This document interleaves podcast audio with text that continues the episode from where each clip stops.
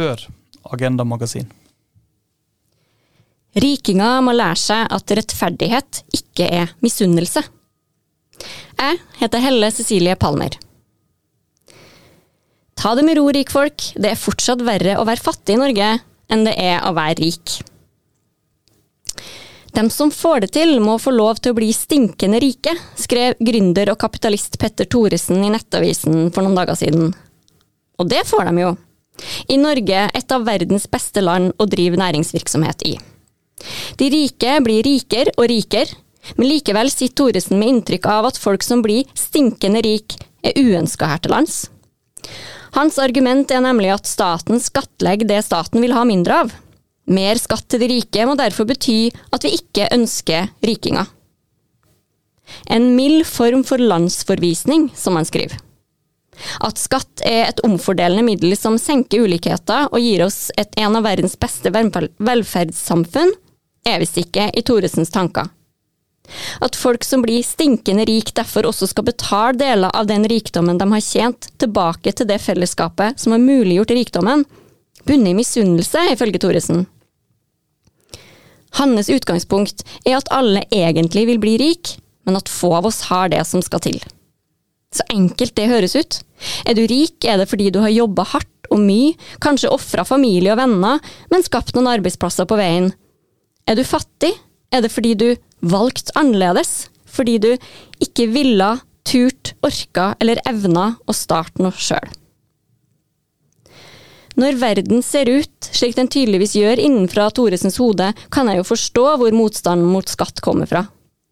Skal dem som fullt fortjent har blitt rik, betale for dem som fullt fortjent er fattig, liksom? Jeg lurer på om han faktisk mener det, men det er i hvert fall slik jeg leser innlegget hans. Det er skikkelig en skikkelig gammeldags tanke at alle som er rik, har fortjent rikdommen sin, mens de som er fattig, fortjener fattigdommen. Det har vi faktisk slutta med, selv om noen rikinger altså syns å henge igjen i tidlige århundrer. Den amerikanske psykologen Paul Tiff har undersøkt hvorvidt rikdom gjør oss til kjipere mennesker. I en studie fikk han deltakerne til å spille Monopol. Men den ene fikk dobbelt så mange penger, og fikk spille med to terninger i stedet for én. Når de med de åpenbare fordelene vant og skulle forklare hvorfor, mente de ikke at de urettferdige reglene var avgjørende, men de gode beslutningene de hadde tatt underveis i spillet. Tiff oppdaga også flere interessante ting. De privilegerte spillerne, altså dem med mer penger og en terning ekstra, begynte å oppføre seg hoverende overfor de mindre privilegerte spillerne. De banka brikkene hardere og mer aggressivt i brettet, og de forsynte seg mer av snacksen som var satt fram. Psykologen har også funnet at folk som anser seg som mer velstående, er mer tilbøyelig til å jukse og forsyne seg av godteri som er ment for barn. Tiff forklarer det med at privilegiene vi har, føles fortjent. Og jo mer vi har, jo mer føler vi at vi fortjener det, og jo mindre empati uttrykker vi overfor andre mennesker. Thoresens innlegg gir brått så mye mer mening. Videre er det jo ikke sånn at du, det du må gjøre for å bli rik, er å jobbe hardt og stable noe på beina for ingenting. Noen gjør jo det også, men de aller fleste av de aller rikeste i Norge er arvinger. Det er lettere å oppnå makt og rikdom hvis du kommer fra en familie med makt og rikdom. Det lønner seg altså først og fremst å arve. Du trenger ikke engang å skatte på overføringa. Men er det nå egentlig sånn at vi alle drømmer om å bli rik, slik Thoresen mener? Jeg tror og håper svaret er nei.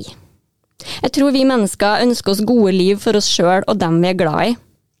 Da hjelper det med penger, men vi trenger ikke rikdom. Den viktigste faktoren for et lykkelig liv er gode relasjoner.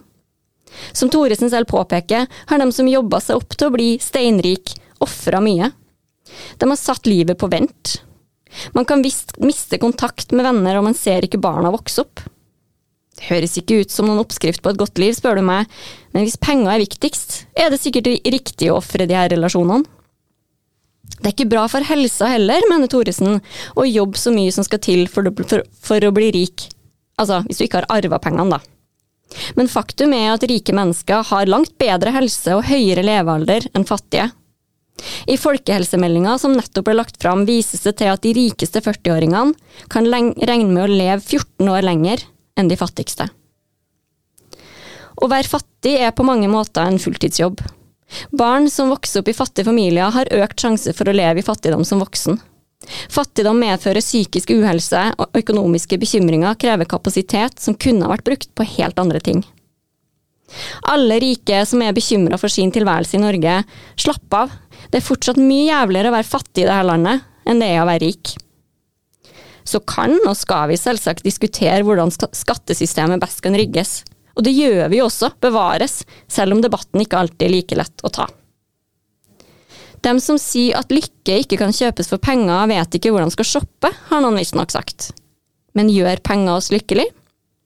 Det viser seg at i hvert fall opp til et visst nivå stiger lykkefølelsen for hver krone mer vi får. Men stigninga er mye brattere for dem som har minst fra før. Lever du på fattigdomsgrensa, trenger du ikke 100 millioner for å føle at du har det bra. Og jeg vet sannelig ikke om laksearving Gustav Magnar Witzøe blir lykkeligere og lykkeligere for hver nye milliard som føres til formuen hennes. Å ha nok penger kan spare oss for bekymringer om hvordan vi skal greie å betale huslånet når renta øker, strømregningene når prisene stiger og kulda setter inn, maten som har blitt mye dyrere.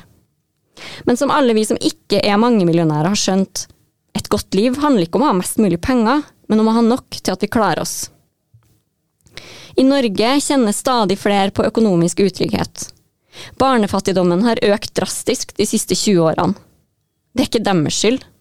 Som samfunn må vi stille opp, omfordele, du vet, yte etter evne og få etter behov.